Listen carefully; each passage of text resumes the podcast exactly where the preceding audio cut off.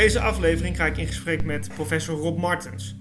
Rob is hoogleraar in de onderwijswetenschappen en heeft een boek geschreven over spel en de mens als spelend wezen. Ik vond het zelf een ontzettend leuk gesprek om te hebben. Ehm, zeker ook in deze tijd, omdat ik denk dat in de coronacrisis heel veel contexten zijn weggevallen waar we wat losser zijn. Dus er zijn dus er is wel werk, er zijn wel colleges, maar er zijn niet de gesprekken bij de koffieautomaat die toch net wat minder serieus zijn. Je kan wel gaan hardlopen, maar je kan niet een spel spelen als sport. Je kan wel een beetje met je vrienden praten, maar echt een feest dat is er niet. En ergens daar gaat iets verloren en dit gesprek heeft mij een beetje meer geholpen om te zien wat dat dan precies is. En daar gaat dit gesprek dan ook over. Uh, wat spel precies is, waarom mensen dat willen doen, waarom je af en toe zinloze dingen ook wil doen. En hoe dat op een manier in de maatschappij onder druk staat. Voordat we beginnen heb ik nog twee opmerkingen over het gesprek. Het eerste is uh, dat er met de internetverbinding wat problemen waren, dus heel af en toe valt er iets weg. Het tweede is dat het uh, gesprek misschien wat speels en informeel overkomt. Nou, dat ligt enerzijds aan Rob, uh, maar het ligt ook aan het feit dat Rob en ik elkaar al heel lang kennen. Hij is namelijk een vriend van mijn ouders. Dat allemaal gezegd hebben door naar de podcast. Oké, okay, welkom allemaal. Uh, ik zit hier met Rob Martens. Rob, welkom. Dank je. Rob, ik ken jou als een onderwijskundige. En je hebt een boek geschreven en dat gaat helemaal in op de e evolutiepsychologie. Dat is een hele ja. rare stap en die mag je eventjes uitleggen. Ja, uh, ik ben inderdaad uh, ja, hoogleraar onderwijswetenschappen. En ik, een van de vraagstukken die de onderwijswetenschappen al heel lang kwellen is hoe kun je leerlingen of studenten motiveren? Of anders gezegd, wat, wat, wat kan je toch in godsnaam doen uh, aan het enorme motivatieprobleem in het onderwijs? En daar is trouwens Nederland wereldwijd koploper in. Dus, dus geen schoolgaande jeugd te vinden die gedemotiveerder is dan, dan de Nederlandse jeugd. En als er motivatie is, is het heel vaak een vorm die eigenlijk iedere docent wel herkent. Die gaat een beetje van, telt dit mee? Is het verplicht? Moet ik dit doen? Hè? En dan met een minimum aan moeite dat uh, proberen te doen. Nou, dat is een onderwerp waar ik als, als, ik ben eigenlijk van huis uit psycholoog, eigenlijk al heel lang in geïnteresseerd geraakt, of in, in geïnteresseerd ben. En ook al lang lezingen over geef. En ook veel onderwijsvernieuwingen met die bril op bekijk en probeer te begrijpen. Um, en ja, eigenlijk een beetje door een, eh, een boek wat ik een aantal jaren eh, geleden kreeg. Uh, van een meneer Peter Gray, uh, Free to Learn heet dat. Dat was net alsof voor mij een laatste puzzelstukje gelegd werd. En ik ben nog meer, maar dan kunnen we misschien in het verloop van gesprek nog nader op ingaan ja, hoe raar het eigenlijk is hoe we uh, in onderwijs uh, met leren en motivatie omgaan. En onderwijs is natuurlijk een spiegel van de samenleving. En diezelfde raarheid, ja, zie ik een beetje terug in de hele samenleving. En ehm, nou ja, voilà, dat is eigenlijk een beetje mijn achtergrond. Mm -hmm. Dus ik gebruik dat denken over motivatie. Waarom doen mensen eigenlijk wat ze doen? En dat raakt natuurlijk al meteen in de vraag, ja, maar wie zijn wij dan eigenlijk? En welk mensbeeld komt daar achterweg? Um, um, is voor mij een, eigenlijk een heel belangrijke onderligger om uh, bijvoorbeeld te kijken naar onderwijsvernieuwing. Hè. We hebben een paar jaar geleden een enorme discussie over de iPad-scholen gehad. En daarvoor hadden we de Iederwijs-scholen en nu hebben we de Agora-scholen. En daar is iedere heftige discussies over. En uh, ik heb vaak of steeds meer het gevoel gekregen, dat heeft misschien ook wel met de leeftijd te maken, uh, van joh, uh, het, het, draait allemaal in kringetjes. We komen niet mm -hmm. verder. Um, en we blijven maar zitten met uh, ja, allemaal kenmerken van ons onderwijs. En als je door de oogharen kijkt, zie je eigenlijk dat heel veel, um, laten we zeggen, onderwijsvernieuwing eigenlijk allemaal een beetje om hetzelfde idee draaien of hetzelfde probleem willen aanpakken. Maar ik, ik zit of zat met het enorm onbevredigende gevoel dat ik eigenlijk denk, ja, die, die, dat hele gesprek, die hele discussie zit eigenlijk mhm. vast. En we hebben een nieuwe, we moeten dat hele uh, beeldens kantelen. En dat is ook wat het mannetje op de, eigenlijk is het een vrouwvolksillustrator mm -hmm. op de voorkant. Dat kunnen de luisteraars natuurlijk niet zien. Er staat iemand op de voorkant van mijn boek. Uh, die staat het ondersteboven op, op zijn kop. Mhm. Die maakt een soort uh, koprol. En dat is eigenlijk het idee van wat als we het nu eens omdraaien en wat als we eens op een andere manier uh, naar mensen kijken en proberen te begrijpen wie we echt zijn en van daaruit terug gaan kijken naar school en naar Mhm. onderwijs. Uh, en dat is eigenlijk precies hetzelfde. En dan hou ik mijn mond, want je vroeg eigenlijk alleen maar uh, iets over mijn achtergrond. en ik begin al te ratelen, maar goed. En eigenlijk, dat, dat vond ik heel mooi aan het boek van uh, Peter Gray, wat ik al noemde, Free to Learn. Zijn zoon was een jaar of elf, denk ik. En die had geen zin meer om naar school te gaan. En het boek begint ook met de uitspraak: Go to hell. Dat was wat die jongen zei. Ik ga echt niet Mhm. meer. Ik wil het echt, echt niet meer gaan. En de reflectie die wij altijd hebben is om dan te zeggen: Oh, dan heeft dat kind een probleem. Daar is iets mee mis, of dan moet iets geremedieerd worden, of daar moeten we iets mee doen, of die krijgt een etiketje, of die stroomt af naar het VMBO, nou noem maar op.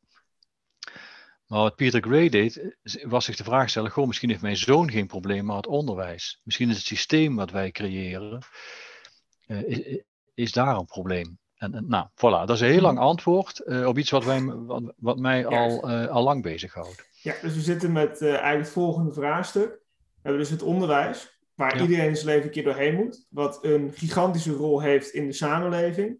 Ja. En daar zie je dat allemaal mensen die wel allemaal interesse hebben in andere dingen, dat die daar bijzonder ongemotiveerd zijn. Hè? Dus we hebben Ja. het over mensen die wel makkelijk eh, 500 uur in, in Skyrim of World of Warcraft kunnen spelen, of voetbal helemaal Ja. geweldig vinden, of het heel leuk vinden om eh, te knutselen, noem maar op. Ja. En dan zet je die in een omgeving waar je bij uitstek moet leren. En dan, dan gaat het eigenlijk vaak mis. Dan slaat er iets dicht. En jouw boek, jouw boek heet dan ook We moeten spelen. En dan leg je een beetje uit van oké, nou het spel is heel intrinsiek aan eh, menselijk gedrag. En Ja. misschien is het ook geen tegenstelling met school. Misschien moeten we het daar even over hebben. Mhm. Want vaak zijn- zien mensen dat als een tegenstelling. Hè? Dus je hebt de tijd om te spelen en je hebt de tijd om te leren. En het gaat om studie, het gaat om discipline. Even niet doen, eh, even wel doen waar je geen zin in hebt. Eh, Ja. Daar overheen stappen en je niet alleen laten meevoeren door waar je toevallig zin in had. En Ja. jij zegt, nou die tegenstelling, die is niet alleen incompleet, die klopt ook totaal niet. Ja, Eh, exact. kun je daar wat over zeggen? Ja, ja dat is inderdaad. ehm, ik begin geloof ik met een, eh, met een citaat van de illustere Johan Cruijff, die ergens zegt: ja, buitenspelen zou een vak op school moeten zijn. En zoals altijd, al zijn uitspraken zijn omkleed met, met schijnbewegingen. En, maar het idee van je hebt een speelplaats en, ehm, en die is buiten de school. En eh, dat betekent al dat op school speel je niet. En ik denk dat er eh, nauwelijks meer ruzies zijn in Nederlandse gezinnen eh, met puberende zonen dan stop met gamen en ga je huiswerk maken. Dus we hebben die twee, in, inderdaad wat je zegt, heel, heel erg tegenover elkaar gezet. En een beetje het idee, spel is nutteloos en, ehm, en iets waar je moeite voor, doen, voor moet doen. Eh, wat belangrijk is, wat meetelt, hè, letterlijk. We, zijn helemaal ehm, gefocust geraakt op, eh, op, op eh, meetellen. En ehm, in Nederland is het zo, in afwijking van de eh, meeste andere landen, dat je eigenlijk al op, op 11-jarige leeftijd een hele fundamentele keuze maakt. Een systeem waar van alles mis mee is. Daar kan ik misschien dadelijk nog iets meer over vertellen. Eh, maar wat eigenlijk een enorme eh, druk uitoefent en, en ten diepste eigenlijk communiceert. eh, wat jij zelf leuk of interessant vindt, is niet zo heel erg boeiend. Want je moet de CITO-toets halen of al die andere dingen die we hebben bedacht, eh, waar we kinderen doorheen halen. En, eh, en dat, dat vinden we normaal. We denken dat het zo hoort. En we denken ook dat die tegenzin, die eh, zo ontzettend veel jonge mensen hebben, die trouwens heel vaak verborgen blijft, die je niet, niet goed ziet. we denken dat dat normaal is. Het rare is namelijk dat eh, de meeste psychologen het er wel over eens zijn. Hè, die die eh, vragen zich al heel lang af, nou, hoe, hoe zit dat nou eigenlijk met menselijke motivatie en specifiek naar leren? Eh, die zeggen, ja, kijk eens, die, die, dat gevoel wat je hebt als je speelt, dat noemen we intrinsiek gemotiveerd. Je doet iets uit interesse. Ik mag hopen dat de luisteraars nu denken, goh, interessant, en niet het idee hebben, goh, ik wil straks, ik krijg een toets of een examen van meneer Rossel en ik moet dat Mhm. halen en anders dan voldoe ik ergens niet aan, maar dat je gewoon luistert met, met niets anders dan, hé, hey, ik vind het interessant. Ehm, psychologen wijzen er eigenlijk steeds meer op, en dan met name vanuit de zogeheten zelfdeterminatietheorie. Dat is de belangrijkste uh, motivatietheorie in de psychologie. Dus dat, dat zeg ik niet om, om, om, gewichtig te doen, maar vooral daar is heel veel bewijs voor. En wat die eigenlijk zeggen is, als je nou met, met interesse iets doet, gaat dat leren veel beter. Mm uh, en vooral het, het, nieuwsgierigheid, verkenning, uh, verdiepen. En er zijn zelfs mensen die zeggen, ja, leren is eigenlijk spelen. Dat is eigenlijk aftasten en verkennen, verbeelden.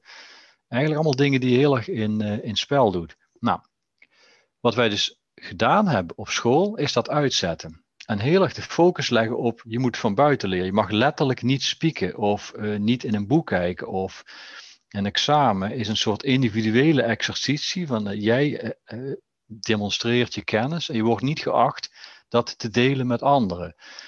Uh, dus wat ik eigenlijk probeer, en daarom heb ik zo'n raar boek geschreven, is, is je, moet, je moet eigenlijk helemaal loskomen van dat denken en die dingen die we, mm die we normaal vinden.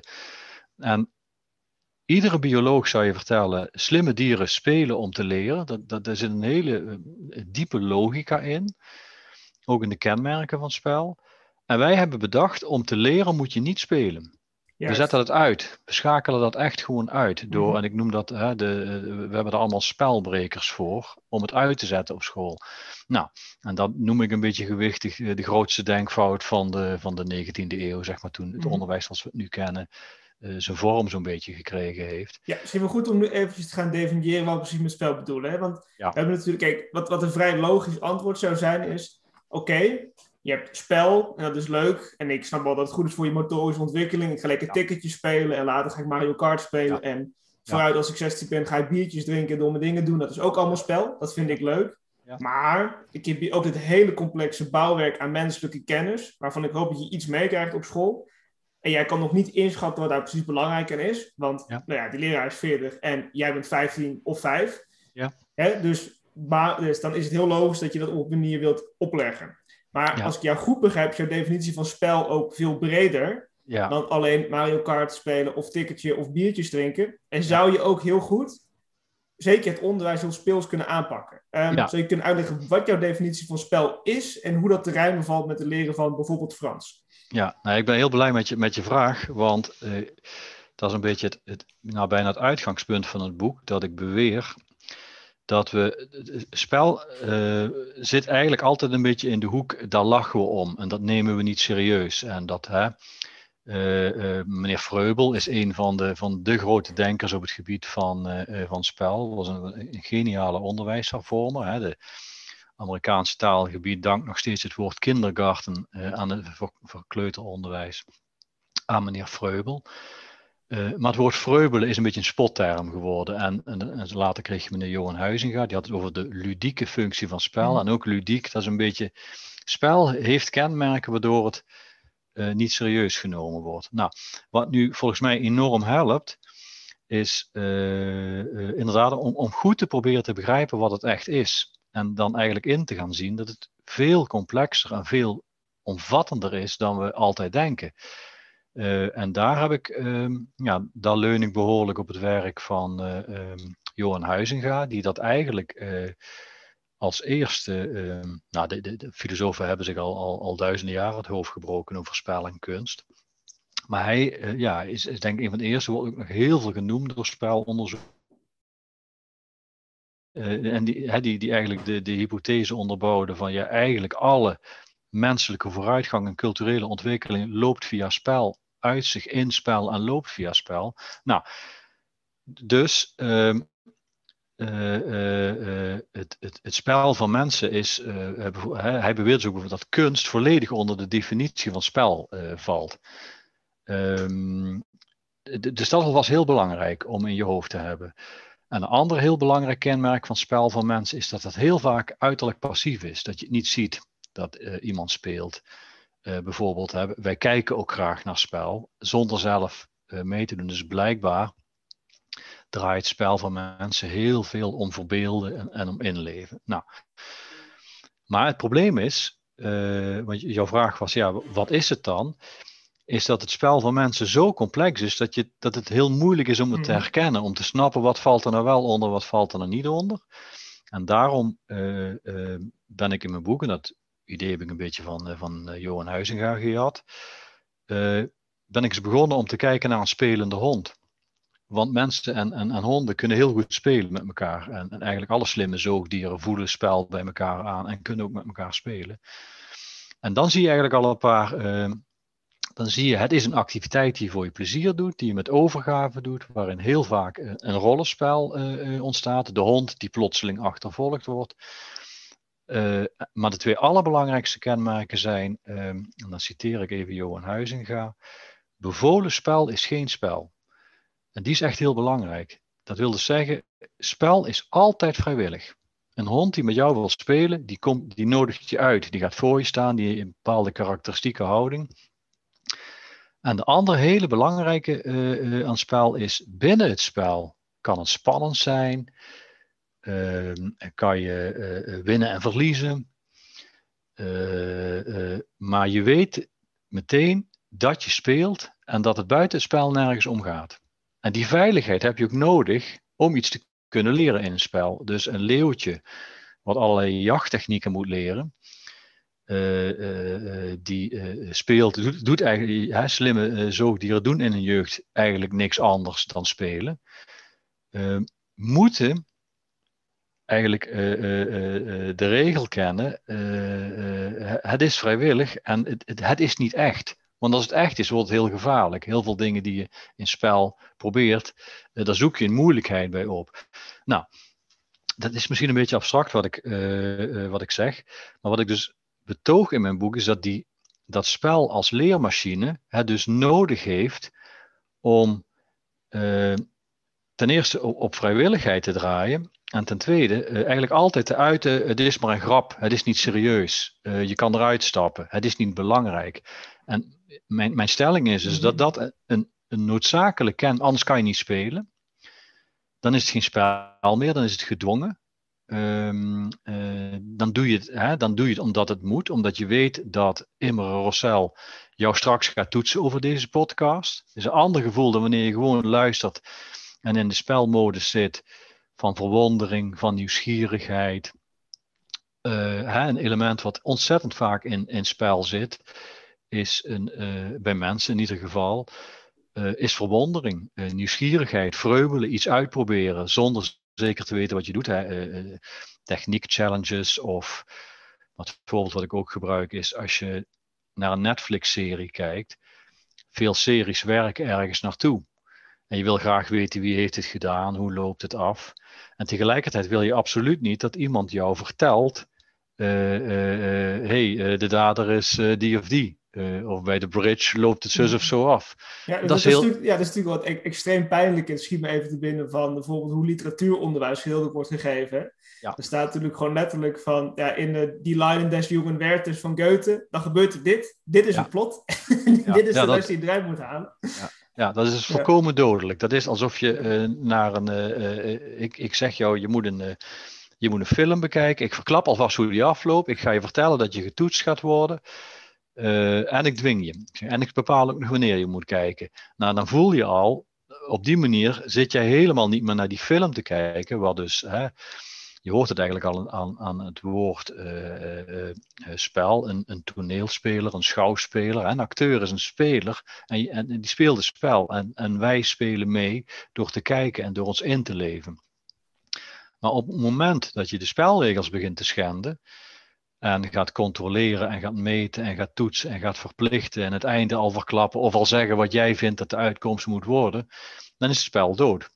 En dan wordt het iets anders. En met dat andere is niet altijd iets mis. Dan kom je uh, terecht op het gebied van wat we uh, eigenlijk werk noemen of extrinsiek gemotiveerd. Mm. En dat is iets, dat doe je niet echt om te leren. Daar ben je niet echt mee bezig om iets te willen leren. Dat is meer, je wil het zo efficiënt en handig mogelijk doen.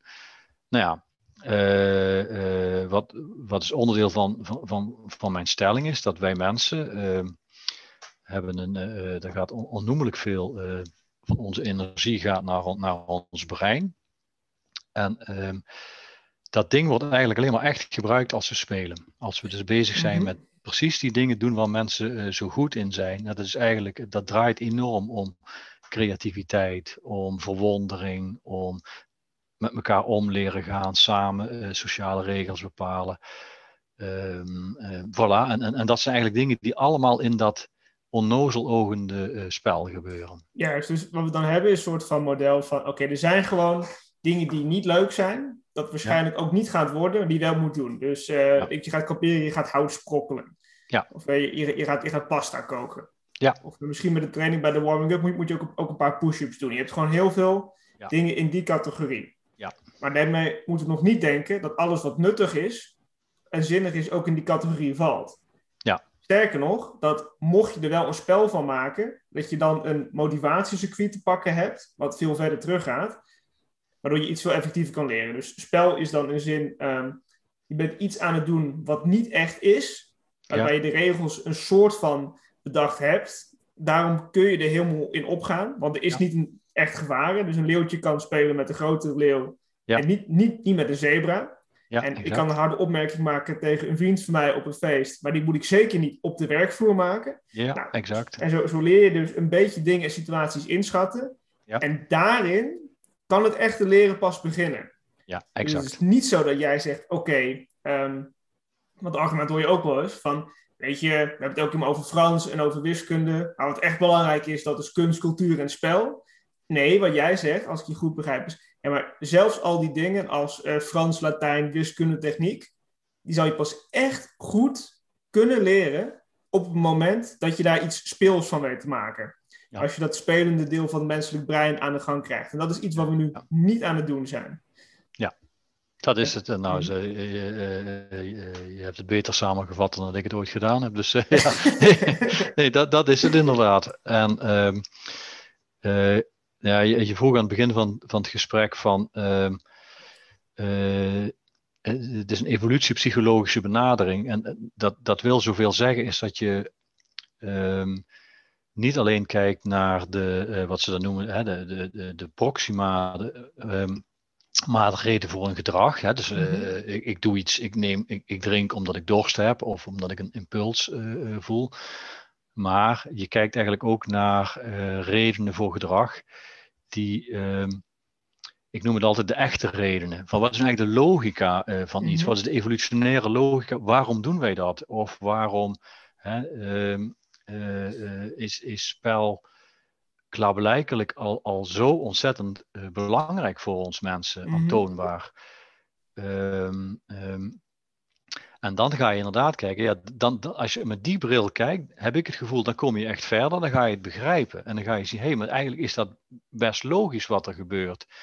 En eigenlijk kun je uh, ook niet op een andere manier iets leren, want iets leren, en zeker als je creatief wil zijn, dan je weet niet van tevoren wanneer je het nodig hebt of waar het voor is. Het, het is eigenlijk iets wat je in de toekomst een keer gebruikt. Een leeuwtje wat speelt, die oefent iets maar die heeft niet meteen een echte prooi te pakken. Dus blijkbaar is het er, moet het plezier, mm-hmm. moet je natuur iets bedacht hebben dat je leuk vindt en je eraan overgeeft om dat uh, te doen, terwijl er eigenlijk je niet direct, zoals bij werk, een directe beloning hebt. En die beloning kan ook zijn het vermijden van een straf. Ik doe iets omdat het moet. Nee, je doet het omdat je uh, uh, klaarblijkelijk een innerlijke drang voelt om je omgeving te exploreren, te leren begrijpen, uh, nieuwsgierig te zijn. En heel vaak is dat bij, uh, bij mensen, ja, dan gaan we een beetje dollen. Of inderdaad op een feestje ga je dingen zeggen die je normaal niet zegt. Of op mijn volleybalclubje, uh, dan, dan, en zeker in de kleedkamer, dan gebeuren dingen die, moeten, die mag je buiten de kleedkamer, moet je die niet delen. Maar de, de ongeschreven regel is, we spelen. En, en we hebben eigenlijk altijd de neiging om dat af te doen als nou, tamelijk irrelevant. En het moet ook een gevoel hebben van het is irrelevant, anders is het geen spel meer. Ja, uh, als elke scherpe opmerking een persoonlijke aanval is, dan, dan houdt het snel op met een scherpe opmerking. Is het meteen gebeurd, en dat vind ik dus ook heel flauw in het publieke debat, wat je uh, buitengewoon vaak ziet, is dat een opmerking die in een context van spel wordt gemaakt, mm-hmm. eruit wordt getild, en apart wordt gezet en uitvergroot, en, en, en, en dit kan toch echt niet. En Um, maar goed, nu, nu, nu, dwaal ik even af. Maar ik vind dus dat vind ik op zich vind ik wel interessant om daar even een uh, pin in te ja, zetten. Okay. En daar komen we misschien later op terug. Ja. Nee, maar als ik je goed begrijp, hè, je hebt vanaf de evolutie gezien, ja. heeft gedrag altijd nut. Want als het niet nuttig was, dan was het niet geëvalueerd. Dan had je daar geen, geen, energiepunten in gestopt, als het ware. Exact, exact. En dan is de vraag niet, ja, waarom... Kijk, je kan, je kan zeggen, waarom trapt een jongetje van acht tegen een bal aan? Nou omdat de bal daar ligt. Maar de echte vraag is misschien, waarom vindt een aap het in godsnaam leuk om tegen een bal aan, aan te trappen? Voilà. Waarom doet hij dat? Waarom is iets wat wilt overleven uit zichzelf bezig met schijnbaar zinloze dingen? Precies. Hoe kan dat? Ja. En dan komen we dus uit op, op wat je ervoor zei.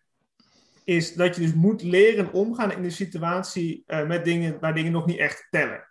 Ja. En, en ik zou voor mezelf even proberen samen te vatten hoor. Misschien kun jij dan zeggen of, of het ergens op slaat.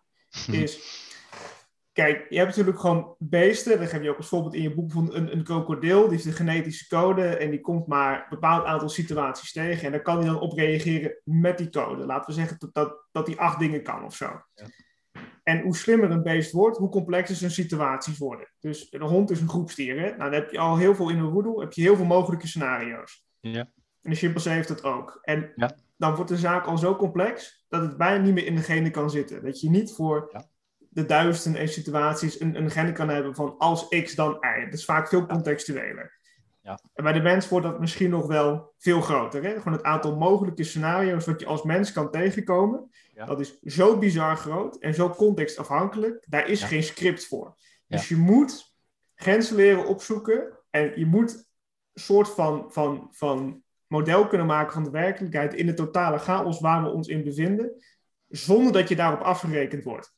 Ja. En daarom moet je dus kunnen aanklooien. Moet je een scherpe opmerking kunnen maken. Moet je iemand net te hard duwen bij, bij, bij een voetbalspelletje. Moet je een beetje aan kunnen klooien. Ja. En als je het niet doet, dan leer je dus ook die grenzen nooit inschatten. En dan heb je echt een probleem. Exact. Dat is het hele, dat is het hele punt. Kijk, uh, slimheid, beweer ik in mijn boek, heeft alleen maar zin als je speelt. Want als je speelt, mhm. zet je uh, uh, opties klaar zonder te weten wat je er ooit mee gaat doen. Uh, gewoon omdat je, dat je het grappig vindt om te doen. En um, uh, uh, die, slimheid is natuurlijk, da, daar zal iedereen het over eens zijn. Dat, dat is niet het moeilijke deel van het verhaal. Dat is een enorm evolutionair voordeel. Dat je iets kan, een situatie kan inschatten. Of dat je ehm, bijvoorbeeld wolven zijn ontzettend slimme dieren. Trekken nu weer Nederland in. En als je daar een beetje over gaat nadenken, wat ze allemaal moeten leren en begrijpen en, en uh, van hun, uh, van hun roedelgenoten moeten leren hè, wat snelwegen zijn. Allemaal dingen die niet in, wat, precies wat je zegt, die, de, de, de oude manier van de natuur was, was om die dingen als het ware genetisch in te slijpen. Hè, dat, maar er is iets veel mooiers ontstaan in de evolutie en dat is inderdaad slimheid, het vermogen om dingen te leren, om situaties in te schatten. En uh, nou, mijn, stelling is dus een beetje uh, dat uh, mensen daar extreem goed in zijn. We hebben handen, dus we kunnen dingen maken. En, om iets te kunnen maken heb je een soort verbeeldingskracht nodig. Heb je, ehm, maar, maar, verder hebben we eigenlijk hele slappe lichamen. We zijn totaal niet bestand tegen het, tegen het klimaat waar we hier in, in zitten. En, uh, dus we moeten het helemaal hebben van die, uh, van, van die slimheid. En nou ja, mijn stelling is dus datgene, en dat er zullen weinig biologen zijn die dat tegenspreken, datgene wat de natuur daarvoor bedacht heeft, is spel. Om daarmee te leren omgaan. En dat spel werkt alleen maar als je dus een, een, een, een drang voelt om dat, om dat te doen. En um, nou, wat ik een beetje beweer, uh, de, de drie dingen die mensen vooral in spel doen, zitten op het sociale vlak, het, het creatieve vlak mm -hmm. en het lerende vlak. Dat, dat zijn voor mensen de gebieden waar wij uh, waar we spelen. Dus die probeer ik ook een beetje te verkennen uh, in mijn boek. Ehm, nou, ja, als voorbeeld het sociale vlak. Als je heel goed kijkt naar sprookjes, naar verhalen, maar ook naar Netflix-series dan is mijn stelling, dat gaat heel vaak in wezen over vraagstukken rond goed en kwaad. Mm -hmm. Bijvoorbeeld, nou, goed en kwaad in evolutionaire termen. de, de, de, de, gelovige luisteraars onder ons vinden dit misschien niet leuk dat ik dat vind, maar ik, ik denk dat dat puur um, um, uh, uh, het, het, goede bestendigt een sociale orde en het kwade mm. verstoort die. En, Juist. Um, wat ik dus eigenlijk denk, wat heel veel gebeurt in, in, in sprookjes en in verhalen, is dat het eigenlijk een spel is rond goed en kwaad en hoe heb je te gedragen. En wat ik beweer is dat bijvoorbeeld uh, voetbalsupporters in hun extreem provocatieve gedrag eigenlijk ook bezig zijn om grenzen op te zoeken en te kijken mhm. wat kan wel, wat kan niet. En wat enorm helpt om het nut van, uh, van zoiets te begrijpen, is je af te vragen wat zou er nou gebeuren als we niet speelden? Als we nooit iets gingen uitproberen. En uit, zoals gezegd, uitproberen kan alleen maar als je de veiligheid hebt dat je kunt stoppen als het te moeilijk of te gevaarlijk wordt. En, uh, en, en dat je er niet op wordt afgerekend buiten het spel. Wel binnen het spel, maar niet daarbuiten. Nou, en dan zie je eigenlijk heel snel dat je, dat, dat je uh, en daarin volg ik dus ook Huizing gaat, dat je eigenlijk volkomen tot stilstand komt en niet verder ontwikkelt. Als je namelijk van alles meteen vraagt, ja, maar wat is het nut ervan? Ja, dan houdt het vrij snel op. Dan, dan mhm. kom je nooit op het idee om de Sagrada Familia te bouwen. En in mijn boek beweer ik, uh, dan was je nooit op het idee van een pijl en boog gekomen. Hè? Ik probeer te analyseren hoe, hoe geniaal die ontdekking eigenlijk is. En daar hebben we eh, meer dan 100.000 jaar heeft Homo sapiens erover gedaan om op dat idee te komen. Dus zo makkelijk kan het niet geweest zijn. En wat ik dus beweer is dat je daar alleen maar komt door te vreugelen en uh, dingetjes uit te proberen. Gewoon dat je de drang hebt om dat, om dat te willen doen. Ja, dus daar zien we ook het verschil. Hè? Dus je ziet bijvoorbeeld, ik, ik, ik heb tijdens corona ontzettend veel documentaires gezien over evolutionaire geschiedenis. Want ik, ik had heel weinig te doen en ik vond het heel leuk. Ja. En dan zie die vroege menssoorten, die kunnen al wel heel goed een steen op een bepaalde manier slijpen. Ja. Alleen het punt is, die steen die blijft honderdduizend jaar hetzelfde. Dus een, hetzelfde geldt voor een, eh, voor een bever dan. Hè? Heel knap dat een bever dat kan, maar er, wordt geen, er wordt niet een nieuw stijl beverdam gebouwd. Ja. Ja. Er, er komt dus kortweg, er komt geen nieuwe informatie in het systeem. Ja. En jij zegt, oké, die nieuwe informatie in het systeem, die kan je per definitie alleen maar krijgen als iemand iets gaat doen wat niet evidentzinnig is, wat ook niet gelijk nuttig ergens voor is, ja. Ja. maar die is wat aan het klooien en opeens heeft hij misschien een pijl en boog bedacht. En misschien nog wel interessanter, eh, ja, voor elke pijl en boog zijn er waarschijnlijk ook gewoon 999 uur die, die niks hebben opgeleverd. Ja.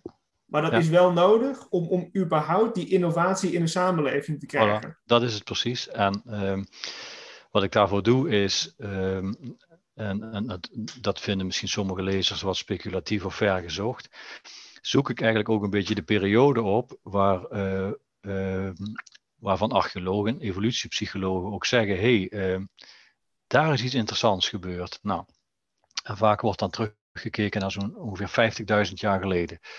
Plotseling zie je ehm, dat mensen zich over de hele aarde beginnen te verspreiden. En ehm, een enorm bewijs voor dat spel beginnen te leveren, namelijk kunst. Plotseling zien we een explosie van kunst. Uh, het grappige is dat, vind ik altijd een mooie anekdote, een van de alleroudste beeldjes die gevonden is, het ene oudste beeldje wat, wat gevonden is, is een, een dansende vrouw. En als je goed kijkt naar dat beeldje, lijkt het ook nog een grappige dans te zijn, of een beetje uitdagende dans die ze doet. Nou, een iets wat wij direct herkennen als spel. Het is maar, het is maar een heel klein beeldje. Het steen uitgehouwen. Er moet oneindig veel meer aan hout gemaakt zijn, maar dat is niet meer terug te vinden. Uh, uh, en, en, wij herkennen dat meteen. Eh, en net zoals wanneer we. Ehm, ik ben twee jaar geleden naar Grot van Chauvet geweest. Ehm, rotstekeningen. Ja, ik ben twee dagen van de WAP geweest toen ik daar was. Want je voelt dat je een beetje in de ziel kijkt van iemand die dat 32.000 mhm. jaar geleden tekende. En je, je, je voelt dat wie dat tekende net zo slim was als, als dat wij zijn. En, en, en, ook al begrijp je heel veel niet, uh, uh, ontstaan die typische dingen uh, die eigenlijk altijd in spel gebeuren van verbeelding en verwondering. het roept vragen op, wat, wat wordt hier afgebeeld, wat is de bedoeling? Nou, ehm, en dat is inderdaad, dat is heel opmerkelijk, want daarvoor was die ontwikkeling inderdaad veel trager en veel langzamer. En als je bijvoorbeeld naar, naar, ja, naar Neandertalers kijkt, die die uh, uh, heel uh, hier ook in, in Zuid-Limburg, waar ik zit, in, in, relatief grote getalen voorkwamen. Dus een beetje een Neandertaler hotspot hier in de omgeving van, van Maastricht.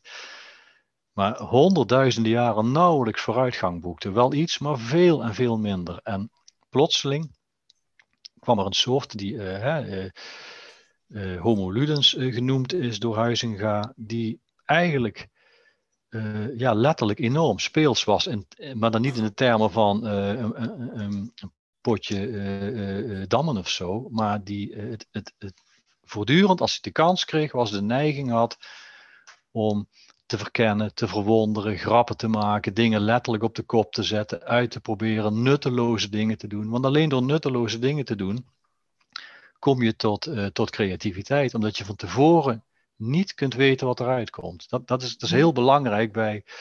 Uh, we denken vaak, uh, als, als ik jou de opdracht, als je niet wist wat een pijl en boog was, ik zou tegen jou zeggen, joh, uh, verzin iets waardoor je veiliger en op grotere afstand een dier kan verschalken. Dan zou je geen, geen 100 miljoen jaar zou je erop komen. Want je moet die bouwstenen, die mentale bouwstenen daarvoor klaarzetten. En die kan je alleen in spel klaarzetten. Ja, en dit is wel interessant. Kijk, er zijn denk ik, en dan wil ik weer iets, iets meer terugbrengen naar de maatschappij. Mm uh, er zijn denk ik twee tendensen die ik in die volgorde wil behandelen. Je mhm. ziet een beetje dat dit element van spel staat op sommige punten onder druk. Dat, dat zal niet nieuw zijn, dat zal altijd in de samenleving zo geweest zijn. Ja, Natuurlijk enerzijds uh, echt het nutsdenken, hè, of het marktdenken, of het neoliberaal denken. En dat, nou, dat heeft denk ik heel veel te maken met onderwijs, dus we kunnen ook, ook zeker, over hebben. Iets moet ergens goed voor zijn. Waarom doen we dit eigenlijk? Uh, besteed je dit uur wel nuttig? Ja. En het andere, en die zit iets aan de linkerkant van het spectrum, is um, ja, de context is, context is niet relevant, want ik weet al wat jij bedoelt, want dat komt uit machtsverhoudingen voort. Ja. Uh, dus de, de grap die jij maakt, dat is eigenlijk irrelevant of je die met je vrienden onder het bier hebt of dat je dat in een, uh, in een bepaald paper zet. Want ja, wat de woorden hier zijn, dat zijn een uitdrukking van iets anders en die ambiguïteit die bestaat helemaal niet. Mm -hmm. uh, laten we even beginnen met dat nutsdenken. Ja. En dan gaan we even terug naar het onderwijs. Kan je me even vertellen op welke manier je denkt dat dat nutswij, uh, nutsdenken nou concreet het onderwijs uh, frustreert? Ja, uh, ja, er is een, uh, misschien toch aardig om als voorbeeld even te noemen. Er is vorige week uh, mevrouw Karen Heij ehm, gepromoveerd op een boek of een proefschrift dat echt vernietigend is over de, de toetscultuur. En is analyseert waarom hebben wij eigenlijk die CITO-eindtoets en waarom is dat nou zo'n uh, eigenlijk zo'n slecht idee. En, nou, de, uh, en zij kijkt daar als toetskundige naar, maar ook uh, als iemand die lang op het MBO les heeft gegeven en gezien heeft dat bijna alle jonge mensen die daar rondlopen eigenlijk zo'n gevoel hebben van ja, ik heb heel vaak te horen gekregen dat het niet goed was, of dat ik klaarblijkelijk niet slim ben, of dat ik niet ehm, voldoe, of dat leren niet echt mijn ding is. Dus ehm, met andere woorden, we hebben dat uh, in dat onderwijs uh, vanuit dat uh, idee dat ehm, het heel goed te meten is of iemand dom of slim is of goed of niet gepresteerd heeft cognitief, hebben we daar een, een, een soort ehm, onvrijwillige competitie van gemaakt. Ik weet dat het hard klinkt wat ik zeg, of, of heel radicaal klinkt wat eigenlijk uh, zich bijzonder slecht verhoudt tot ja, waar we het eerder over hadden, namelijk datgene wat mensen, dat is mijn stelling, en zeker jonge mensen van nature willen, namelijk spelen. Want uh, we hebben inderdaad een, eh, een, een, ja, een, ja, laten we het toch maar zo noemen, een genadeloze afrekencultuur in het onderwijs gezet. Um, en tot overmaat verramp, dat is ook wat Karen hij verkent is die, um, die uh, afrekencultuur ook nog eens een keer, en, en dan zijn we bij het neoliberalisme, ook tussen scholen gaan optreden. We hebben zwakke scholen en goede scholen. En, um, omdat we, als je wil afrekenen, heb je heldere criteria nodig, heldere meetbare dingen, anders kan je niet afrekenen. Hè? De, de, term zegt wel, je, je moet iets hebben waar je mee kan rekenen. En dat spel heeft nu eenmaal hele andere karakteristieken. Dat is ongrijpbaar, dat laat zich niet afrekenen. Dat uh, is, is bijna per definitie, omdat, ook al omdat het vrijwillig is, is heel moeilijk te controleren en vast te zetten. Nou, op het moment dat jij het dus heel graag wil, omdat je tot in, in, in, in bot ervan overtuigd bent dat uh, je voortgang als in een industrieel proces moet meten en in kaart moet brengen. En uh, misschien ook wel het organiseren van onderlinge competitie, dat dat goed is. Zwakke scholen, sterke scholen.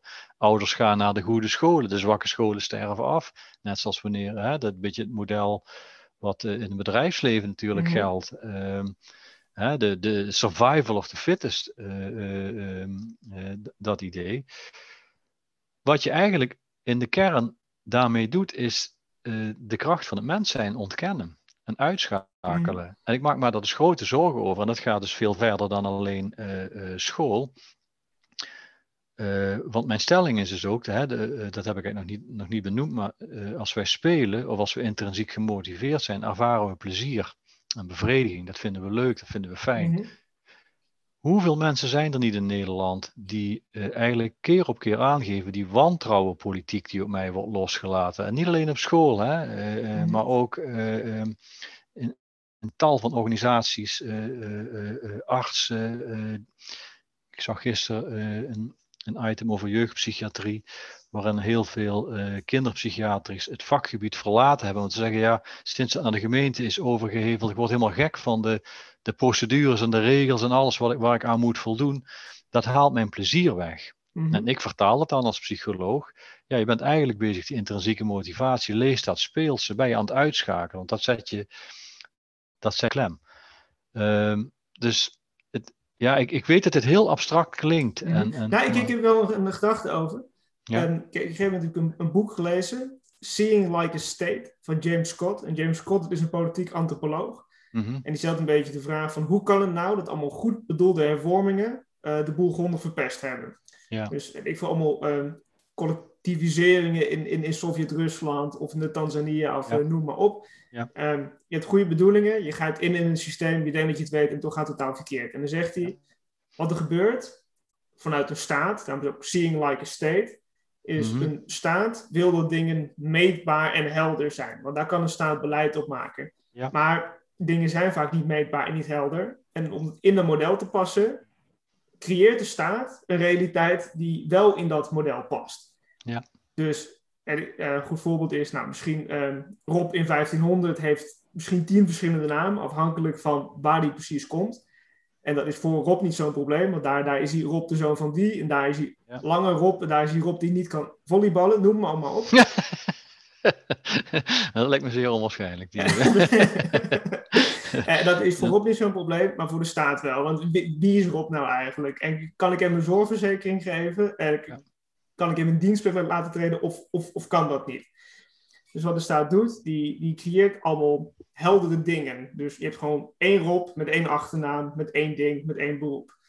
Um, zelfde manier in een uh, Sovjet-tijdperk, oké, van wie is deze grond? Nou ja, de grond is van deze en deze familie. Maar als de, de tak van deze boom afvalt, dan zijn de appels voor de armsten. Maar de tak zelf die zijn weer voor anderen. Dat is vaak hoe het eigenlijk ging. Ja. Nou, wat die Bolsjewieken hebben gedaan is, oké, we verdelen dit, dit uh, in, in, in 100 blokjes. Ja. Dan krijgen jullie allemaal een blokje wat, wat je collectief mag bewerken. Want dat is dan overzichtelijk. En het punt een beetje is, het is overzichtelijk voor iemand van die staat. Dus elke ambtenaar uit elk deel van Rusland, die kan dan daarheen gaan en die weet gelijk wat er aan de hand is. Ja, ja. dat is hier ook, hè. Ja. Een ambt, je, je, hoeft niet te weten wie die leerling is. Je hoeft geen bal van dat uh, vak te snappen. Je weet niet hoe die leerontwikkeling gaat. Ja. Maar jij kan inzien, ja, ja, die heeft die een 7,6. En die andere leraar, die heeft gemiddeld een 6,8. Ja. Dus hier gaat wat mis. Ja. Dus je, je ziet een beetje op die manier dat zo'n zo'n bureaucratie van wantrouwen, van wat, wat gebeurt er nou in dat proces bij professionals, en dat zie je hier, misschien zie je dat in, in, in de zorg ook in grote mate. Uh, ja, dat meet niet alleen het systeem, dat verandert het systeem en vaak vernachelt het het systeem ook op zo'n manier. Ja, ja, nee, ik, ja, helemaal met je eens. Ik, uh, ik, ik, ik, noem dat altijd. Uh, wat een bureaucratie doet, hè, als, als hè, omschrijving van dat systeem wat je, uh, wat je bedoelt, wat het niet meetbare toch probeert in categorieën te stoppen en meetbaar te maken en kwantificeerbaar te maken, is eigenlijk het gezonde verstand uitschakelen. Eigenlijk datgene wat, wat mm-hmm. wij van nature heel goed uh, kunnen. Dat is ook een, ik las het als verklaring waarom wij in Nederland, wat toch een, een bijzonder georganiseerd land lijkt, het zo episch slecht doen in het hele vaccinatiegebeuren. Uh, mm -hmm. En waarin fout op fout gestapeld wordt. Juist omdat het lijkt alsof we niet meer durven te vertrouwen op professionals. En het, ehm, ja, ehm, in mijn nieuwe boek probeer ik dat ook wat verder te verkennen. En ehm, wat je eigenlijk ziet, eh, zeker in de, in, in, in de psychologie en het denken, het denken in de sociale wetenschap, is de, de enorme macht van het getal die zo na de Tweede Wereldoorlog is opgekomen. En dat was natuurlijk in, in het kielzog van de techniek en de industrialisatie, waarin uh, die ons in staat stelde van 70 jaar. Uh, de eerste vlucht, 70 jaar later liepen we op de maan. Dat was een waanzinnige vooruitgang. En wat we eigenlijk heel erg geprobeerd hebben, is die, dat, dat denkraam van beheersbaarheid en meetbaarheid, mhm. wat uitstekend werkt als je een Mercedes uh, wil bouwen of, of dingen wil doen, kan dat uitstekend werken. Uh, zijn wij eigenlijk steeds meer ook gaan inzetten uh, op processen die daar volstrekt ongeschikt voor zijn, omdat ze eigenlijk veel te complex zijn en zich niet laten vangen in, in, in dergelijke systemen. Sterker nog, die hele poging van dat vangen begint eigenlijk uh, te fungeren als een spelbreker. En een spelbreker als in uh, de, uh, hè, voor mij is spel een, uh, boven alles een, ja, een state of mind, een playful mind. dat is iets wat, wat, wat wij van nature doen en wat we heel goed kunnen. En dat, dat begin je eigenlijk uit te zetten. Dus het draait heel erg om het eigenlijk niet meer zien wie we echt zijn en waar mhm. onze echte kwaliteiten zitten. En daarmee, uh, mensen denken dan vaak dat je zegt, ja, moet je dan alleen maar spelen? Nee, natuurlijk niet. Als, als, hè, het voorbeeld wat ik heb, als ik naar een ziekenhuis ga, dan vind ik het uh, geen fijn idee als de chirurg de operatie met mij als een spelletje opvat. Maar als je uh, die definitie van dat spel wat hebt opgereikt en bent gaan zien hoe belangrijk dat eigenlijk is, en, en ziet het heel veel met verwondering, nieuwsgierigheid, samenwerking te maken heeft, dan zie je inderdaad dat we ehm, en dat, dat verwijt ik dus ook uh, uh, ja, economen ook. En dat, dat valt me ook iedere keer op, dat uh, in dat economisch denken, uh, hè, de, nou, het, het, klassieke voorbeeld is een beetje dat, dat gaf ook laatst de directeur van het planbureau toe, dat je het nut van onderwijs kun je helemaal niet uitrekenen. Mm Het is onmogelijk uit te rekenen. Net zoals het onmogelijk is om het nut van dit gesprek uit te rekenen. Juist. En Rob, ik wil even op ingaan wat je eerder zei over gezond verstand. Mhm. En dan heb ik het eerste wat, me, wat bij me binnen schiet is, oh, wel grappig, want dat is dus precies wat, wat spel juist vervangt. Hè? Want spel is dat ik uh, leer met hele ingewikkelde contexten om te gaan en daarom op basis van mijn gevoel iets kan beslissen. Ja. En als feite vervangt dat cijfer dat hele contextafhankelijke iets. Ja. En dan mijn tweede vraag, en ik weet niet precies wat je daarvan denkt, maar dat gaat iets meer in tegen jouw verhaal. Mhm. Ja, er is natuurlijk ook een reden dat we met die cijfers bezig zijn. Dat is niet alleen die Mercedes, maar misschien ook omdat gezond verstand af en toe gewantrouwd wordt. Hè? Dus als we bij het onderwijs blijven, voor mij is die CITO-toets ingevoerd, omdat ze erachter kwamen dat kinderen met een arbeidersachtergrond of een boerenachtergrond, uh, die even slim waren, een lager schooladvies kregen. En dat zie je nu, speelde met name geloof ik met mensen met een migratieachtergrond. Ja. Is dat het gezonde verstand van de leraar wel erg vaak zegt, nou ja, ik, ik voel aan mijn water, ik voel in mijn vezels dat hier toch minder in zit. Mm -hmm. En dan wil je juist daarom die cijfers daar tegenover zetten. Ja. Dus ja, hoe zie je precies de rol van de cijfers daarin? Uh, en, met, name, met name in het onderwijs.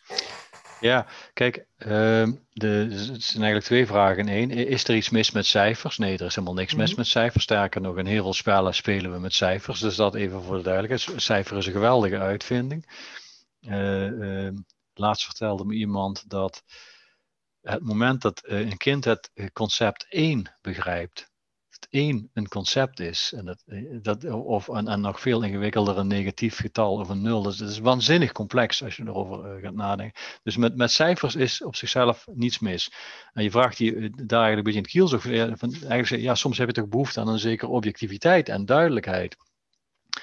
Het punt is denk ik dat eh, dat lijkt misschien een beetje een schijntegenstelling, dat dat zou kunnen betekenen dat dat spel eigenlijk altijd uh, chaotisch en los is en zich niet mhm. laat, uh, laat grijpen.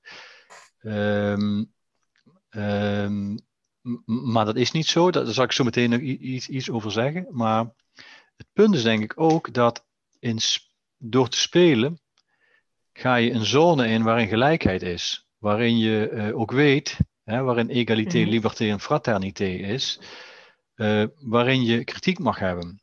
Waarin je uh, mag zeggen, hé, hey, maar uh, uh, Imre, jij zegt het altijd wel zo, maar klopt dat mhm. wel? Of jij tegen mij zegt, ja, en dat is eigenlijk iets wat we in, in een speelse context juist heel erg opzoeken. Dus um, de, de situatie die je beschrijft van de schoolmeester, die wel even uitmaakt dat het arbeidersmanneke. Mm heel vaak is er de situatie, is er een context van grote machtsongelijkheid, waarin één persoon heel veel macht kan uitoefenen en kan zeggen hoe. Terwijl wat je eigenlijk in het spel ziet, mhm. ehm, is dat we het juist heel erg opzoeken om iedereen een kans te geven. Dat is een heel belangrijk onderdeel in het spel. Iedereen moet, moet, moet een eerlijke kans mhm. krijgen te kunnen laten zien wie die is en wat hij wil en, en waar die staat. Ehm, dat is beweer ik ook in mijn boek, een, een, een heel belangrijk kenmerk. Heel veel spelers vinden wij ook leuk. Dat is ook een van de. Een heel geliefd thema in een film is, is, is iemand die lange tijd niet gezien werd. Uh, het, lelijke, uh, het lelijke eentje, wat de mhm. zwaan wordt. De, het kind wat geen kans kreeg. Wij vinden het eigenlijk juist heel erg leuk om, om daarmee te spelen. En, en, en om te kijken wie iemand echt is en waar iemands kwaliteiten liggen. Uh, nou, dus ik, Ehm, en, en, en daarvoor heb je, een, heb je juist dat, dat spel nodig, wat, wat zo gericht is op. Uh, soms doe je iets en ga je toneel op, soms ga je van toneel af. Je maakt een gedicht, je maakt een boomhut, je maakt een tekening, uh, je zingt een lied. Uh, je hebt een creatief idee, je, je, je bouwt iets en anderen kijken ernaar en je, en je kiest zelf je moment waarop je het leuk vindt om je gedachten of je uitvinding te delen met anderen. Dat, dat zijn eigenlijk allemaal dingen die heel veel in het spel gebeuren. Uh, dus ja, misschien dwaal ik een beetje af. Maar kijk, ik zou het zo even zo zeggen. Kijk, ik, ik geloof zeker dat er iets inherents egalitairs in spel zit. Hè? Dus jij schrijft, goh, mijn hoogleraaarstitel wordt alleen tegen me gebruikt bij het volleybal. Ja. Uh, nou, ik heb mijn studie mooi afgerond, maar bij jiu-jitsu hebben ze daar uh, geen, geen boodschap aan, dan wordt het meestal gewoon gewurgd. Ja. Um, Maar dat, is, dat is natuurlijk egalitaire waarde van spel. Maar misschien wel wat anders dan waar we het over hadden van het wantrouwen ten opzichte van de professional. Hè? Dus laat ik hem even anders formuleren. Er mhm. zit een bepaald kwalitatief verschil tussen mensen in vaardigheden. Dus de een kan beter voetballen. Ja. En dat zit ook op school. Dus de, nou ja, jij bent hoogleraar, dus ik hoef je niet te vertellen dat de een academische aangelegd is dan de ander dat is. Ja, Iemand moet ergens die selectie maken. Ja. We weten dat het menselijk verstand vuilbaar is. Vaak de voorkeur ja. geven voor de mensen die toch al hoog in de boom zitten of op ons lijken. Ja. Daar willen wij een cijfer te tegenover zetten. Uh, hoe, hoe zie je dat cijfer precies? Wat, wat is de rol van het cijfer daarin? Nou, kijk, uh, uh, ik moet even denken waar, waar ik moet beginnen. Het is een complexe vraag die je stelt. Ik, ik houd van cijfers, mm -hmm. maar ik vind het ze ongelooflijk vaak verkeerd gebruikt worden en verkeerd worden ingezet. En ehm, ja, ik zit te denken. Uh, kijk, ik, ik, kan nu heel erg een kruistocht beginnen tegen het gebruik van cijfers. En bijvoorbeeld uh, een van mijn stokpaardjes, stokpaardjes is het beruchte geboortemaandeffect. Mm nou, misschien is het toch goed dat de luisteraars willen. Misschien hebben ze al wel eens van gehoord, maar het is dus echt een verwoestend effect. Als je gaat kijken naar mensen die profvoetballer zijn of die het Nederlands elftal spelen, dan ga je zien dat de. Uh, en je gaat de geboortedata van die makkers bekijken. Dan ga je zien dat uh, degenen die in januari, februari uh, geboren zijn, een veel grotere kans hebben dan degenen die ehm, in december geboren zijn. Want bij de voetbalbond ligt het cut-off moment op 1 januari. Dat, en het onderwijs ligt het ongeveer op 1 oktober. Dus Ehm, wat je, eh, en dat is het beruchte geboortemaandeffect. Dus wij denken, oh, we hebben een objectieve meting. Uh, ik, ik, kan zien wie het sporttalent is en wie niet. Maar eigenlijk heb je een verwoestend ander effect, namelijk je staat gewoon te kijken wie is jong binnen de groep waar je in vergelijkt en wie is niet jong. Nou, dat voorbeeld gebruik ik vaak omdat het laat zien dat, dat wat wij als objectief beschouwen, um, op zijn minst twijfelachtig is. Mm dus, uh, en, en, en dat effect is niet gering. Dat effect is buitengewoon groot. Juist. Dat uh, we dus verkeerd kijken. Dus we denken dat we een etiket kunnen plakken, een heel nauwkeurig uitziend etiket.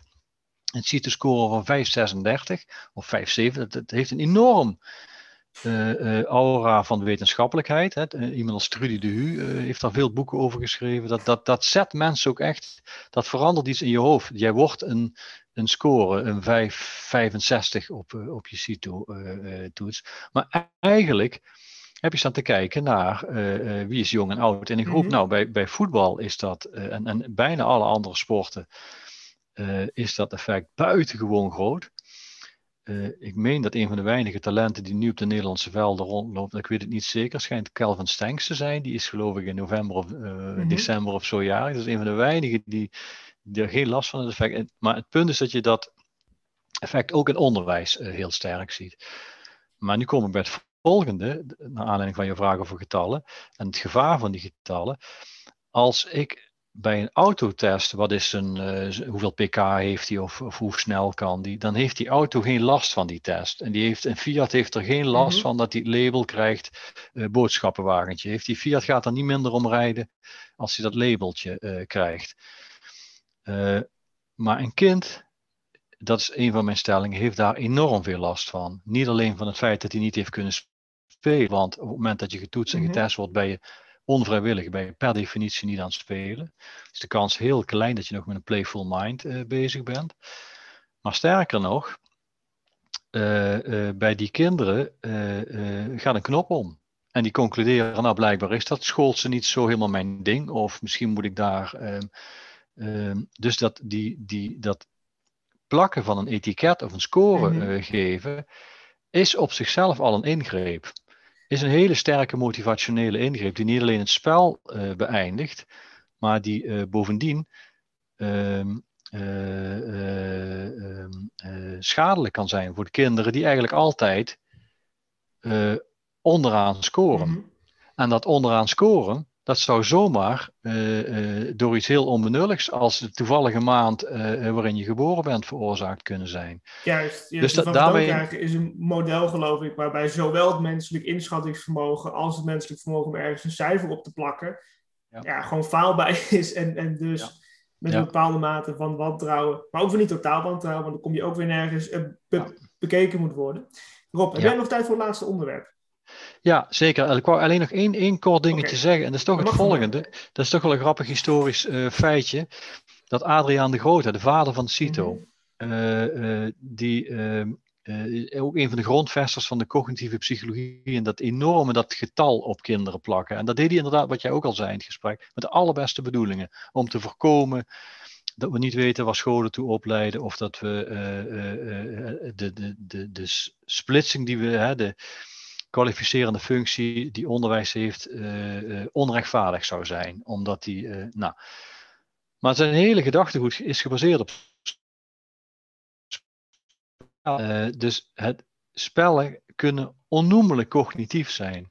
En spelen, ik ken veel vrienden die met, met, techniek spelen. En dus ik wil het ook even een beetje, even, ja, eh, het spel van mensen is, is, is heel vaak heel erg met getallen. Uh, En dat vinden wij ook eigenlijk heel erg leuk. Uh, om, om de, de, de magie van het getal. En, dus het is, het is niet helemaal waar dat het universum van het spel eigenlijk altijd een, een universum is waarin alleen maar gerommeld en gekloot wordt. Soms zelfs luister ik naar muziek. En muziek die me erg ontroert. en denk ik, hoe heeft iemand zoiets moois kunnen maken? Mhm. Juist in spel en kunst gaan we soms extreem uh, naar de perfectie toe. Er moet mhm. alles kloppen. En juist als we van een technisch ontwerp zeggen of van een auto zeggen: hé, hey, dit is eigenlijk geen auto meer, dit is kunst, bedoelen we ook vaak te zeggen: dit is zo waanzinnig goed gedaan. Alles klopt, alles past bij elkaar. Uh, dus uh, ik wil een beetje waken voor die schijntegenstelling die juist, kan zitten. Ja. je, viel een seconde weg. Maar wat ik wilde zeggen was schaakspel, toch? Je had over het schaakspel waar zijn uh, cognitietheorie op gebaseerd was. Ja, heb ik nog... Ja, dit, dit, dit, is niet per se een argument. Het is een opmerking die binnenkwam. Maar het is dus niet zo dat spel en getal tegenover elkaar staan. Maar misschien staat spel tegenover het contextloze getal. Ja, exact. Ja. Ja, dat klopt. Uh, ja, en, en, en, wat we eigenlijk doen, volgens mij cognitief gezien, als we spelen, als we een playful mind hebben, is heel erg de diepte ingaan. Heel erg uh, uh, de verbeelding laten werken, modellen bouwen van wat we zien. En ik beweer dus dat naar een voetbalwedstrijd kijken, een ongelooflijk comp cognitief complex dat er niets van kan. Net zoals een computer volstrekt niet in staat Mhm. is dit gesprek te volgen. Want het is ongelooflijk complex. Mhm. Ehm, dus nou ja, eh, eh, je had nog een laatste eh, Mhm. vraag, begreep ik. Ja. Ja. Dus ik, ik, ik weet niet of dit een, een, een, vrucht, een vruchtvol gesprek gaat worden hoor, dit laatste deel, maar ik heb een paar gedachten over. Ik heb laatst een boek gelezen van Jonathan Haidt. Ik weet niet of je daarmee bekend bent. Nee, niet direct, maar Ja, help dit- me even. Mijn geheugen Mhm. is, is, is feilbaar. Dus, Ja, eh, nou, is een, is een psycholoog en die heeft onder andere onderzoek gedaan, of die heeft een boek geschreven in dit geval over eh, cancel culture op Amerikaanse universiteiten. mhm. En daar wijst hij allemaal redenen voor aan. Hij zegt, één van die vele redenen, dat is dat in Amerika op een gegeven moment kinderen steeds veiliger zijn opgevoed. Ze noemt die safetyism. Dus je mag niet eh, kloten met oud ijzer in de speeltuin. Dat is heel gevaarlijk. Er moet overal Ja. rubberen tegels liggen. Je mag geen pinda's op school hebben, want wat als één iemand allergisch is... Je mag niet met- allergie. Ja. Precies. Je mag niet met sneeuwballen gooien, want misschien zit er een steen in de sneeuwbal en die zou dan Ja. iemand pijn kunnen doen. Hè? Dus steeds meer dat soort gedragingen.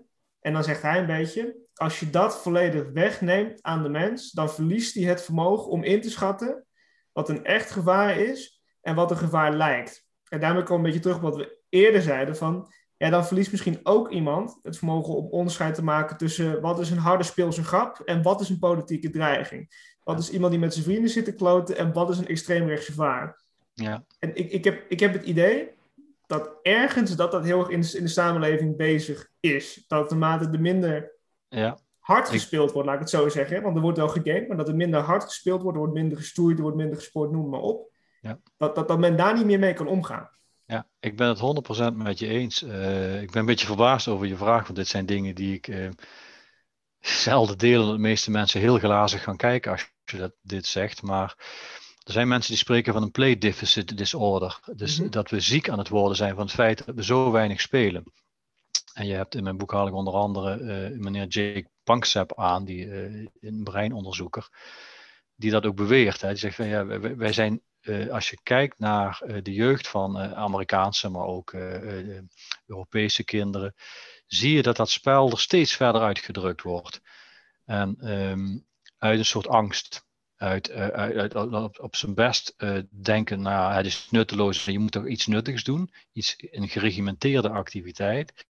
Terwijl wat je natuurlijk, als, als het waar is, dat spel dient om te leren en ook om te leren dingen die potentieel heel gevaarlijk zijn. We hadden over dat leeuwtje wat allemaal Mhm. technieken moet oefenen die eigenlijk ontzettend gevaarlijk zijn. Ehm, en, en, en je gaat dus eh, dat weghalen omdat je eh, daar geen vertrouwen in hebt of dat je denkt dat is onbelangrijk of, of onnodig of, of gevaarlijk. eh, ga je ehm, iets heel wezenlijks weghalen. En je ziet inderdaad dat kinderen, als ze spelen, en trouwens ook volwassenen, heel vaak dingen opzoeken die eng of gevaarlijk zijn, of die hard zijn.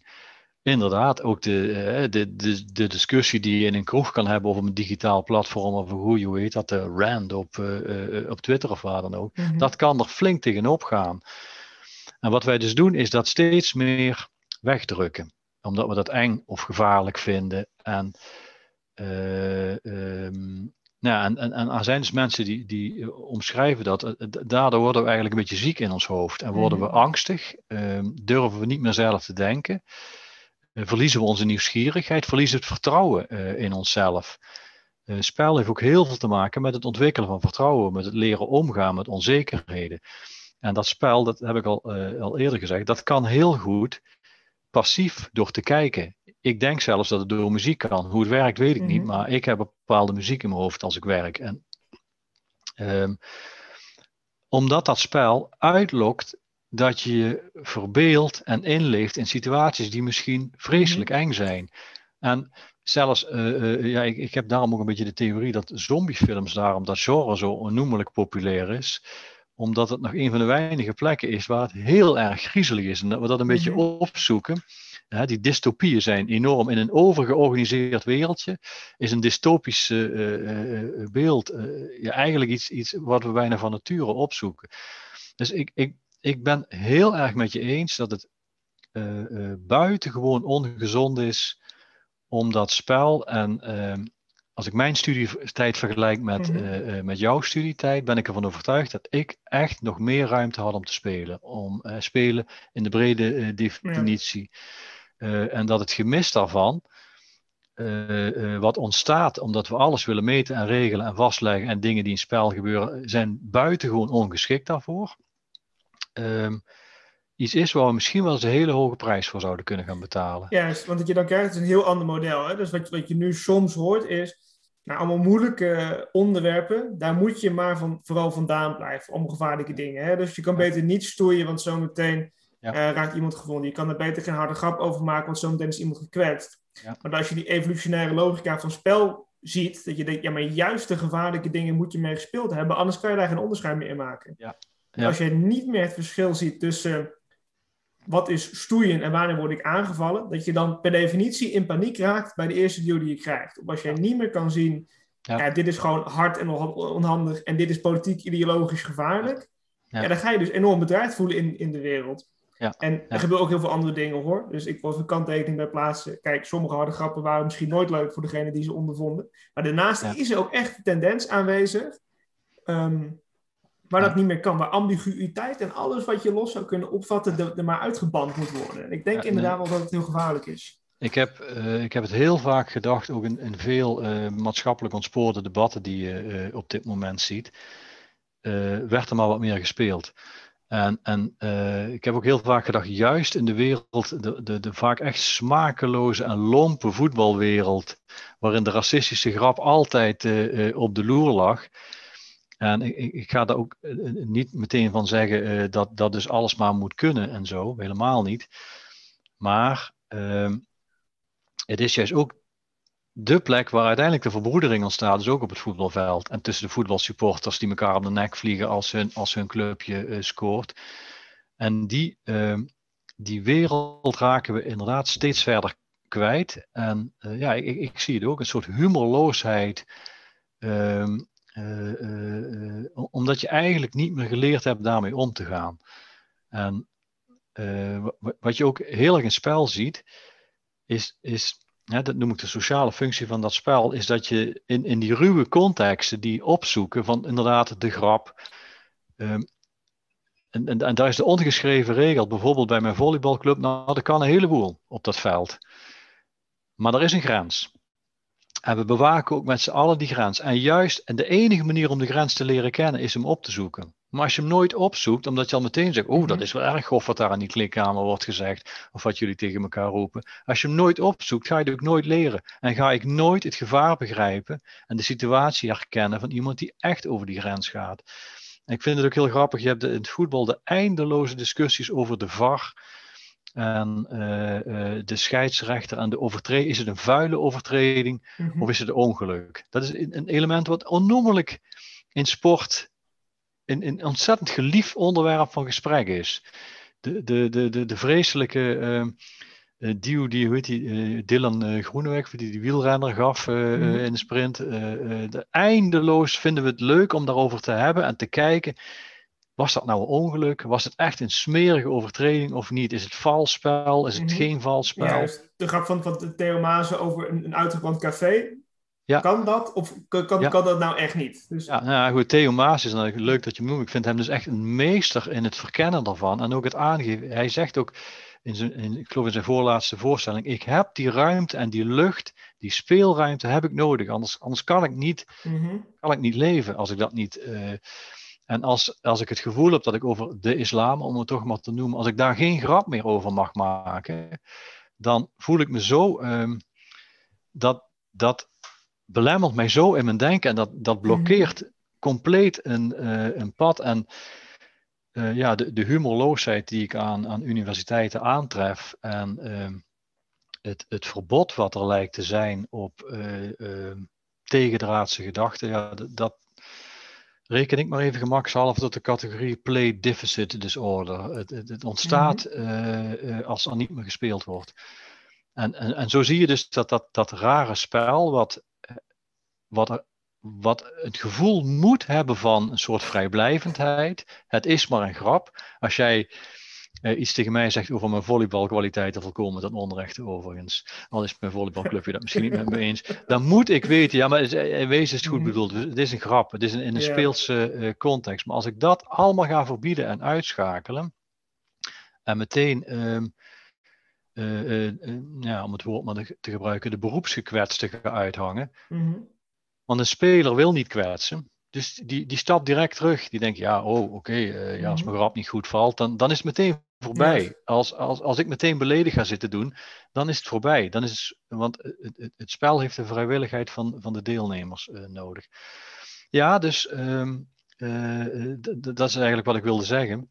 Dat spel, wat, wat, wat onnozel moet uitzien, wat vrijwillig moet uitzien, wat niet afrekenbaar wil zijn, zou daarmee misschien toch wel eens een van de allerbelangrijkste dingen kunnen zijn. En ik denk dus niet dat het toeval is dat wij aantoonbaar als soort onnoemelijk veel tijd en moeite stoppen in spel. En dat een van mhm. de aller, het alleroudste beeldje wat er eh, bestaat, wat we ooit gevonden hebben, een dansende vrouw is. Nou ja, als er een voorbeeld is van wat dans is, dan is het spel. De filosoof Jan Brandsen zegt er altijd van, een, een, een dans is ultiem iets wat je doet. En als je gestopt bent met de dans, is die weg. Er is niets wat er van overblijft. Mhm. Het is alleen een beweging. Het is per definitie nutteloosheid. En tegelijkertijd zou het ons heel belangrijk kunnen zijn. Juist. Rob, dat lijkt me een mooie plek om te eindigen. Ja. Dus ik kan alleen maar zeggen, eh, drink bier, maak harde grappen, speel spelletjes. dat? En ja. eh, hoort allemaal bij het goede leven. Of gewoon misschien wel de kern daarvan. Rob, ik wil jou ontzettend bedanken. Ik vond het een mooi gesprek. Hopelijk vond de luisteraar daar ook. Rob, waar kunnen mensen jou vinden als ze nou geïnteresseerd zijn in jouw analyses? Ja, de, de, de uh, meest logische invalshoek zou toch zijn om even googelen op uh, we moeten spelen. Mhm. dat, was een, dat heeft een tijdje niet goed gewerkt, omdat uh, Lano Campus het boek heeft, als, als uitgever heeft overgenomen. Maar nu zijn die links weer redelijk op orde. En als je aan die draad gaat trekken, dan. Ehm, en mensen mogen mij ook altijd een mailtje sturen: rob.martens.ou.nl. Uh, dus ik vind het altijd leuk om, om, om hier het gesprek over aan te gaan. En ik heb ook het gevoel dat we nog niet uitgepraat zijn. Dus uh, het, het, het, punt is namelijk, het, het, mhm. allerlaatste wat ik wil zeggen. Ik denk dus dat dat spel en dat playful mind net zo ingewikkeld mhm. is als onze geest is. En dat is een tamelijk ingewikkeld dingetje. Dus daar ben je niet 1, 2, 3 over uitgepraat. Kijk, dat lijkt me helder. Rob, dankjewel. Ja, heel graag gedaan. Hartelijk dank voor het luisteren naar Grote Vragen. Voordat ik afsluit uh, wil ik nog even Koen de Boer bedanken voor de muziek die hij heeft gemaakt voor deze podcast. Meer van zijn muziek kunt u vinden in de show notes. Dank u wel.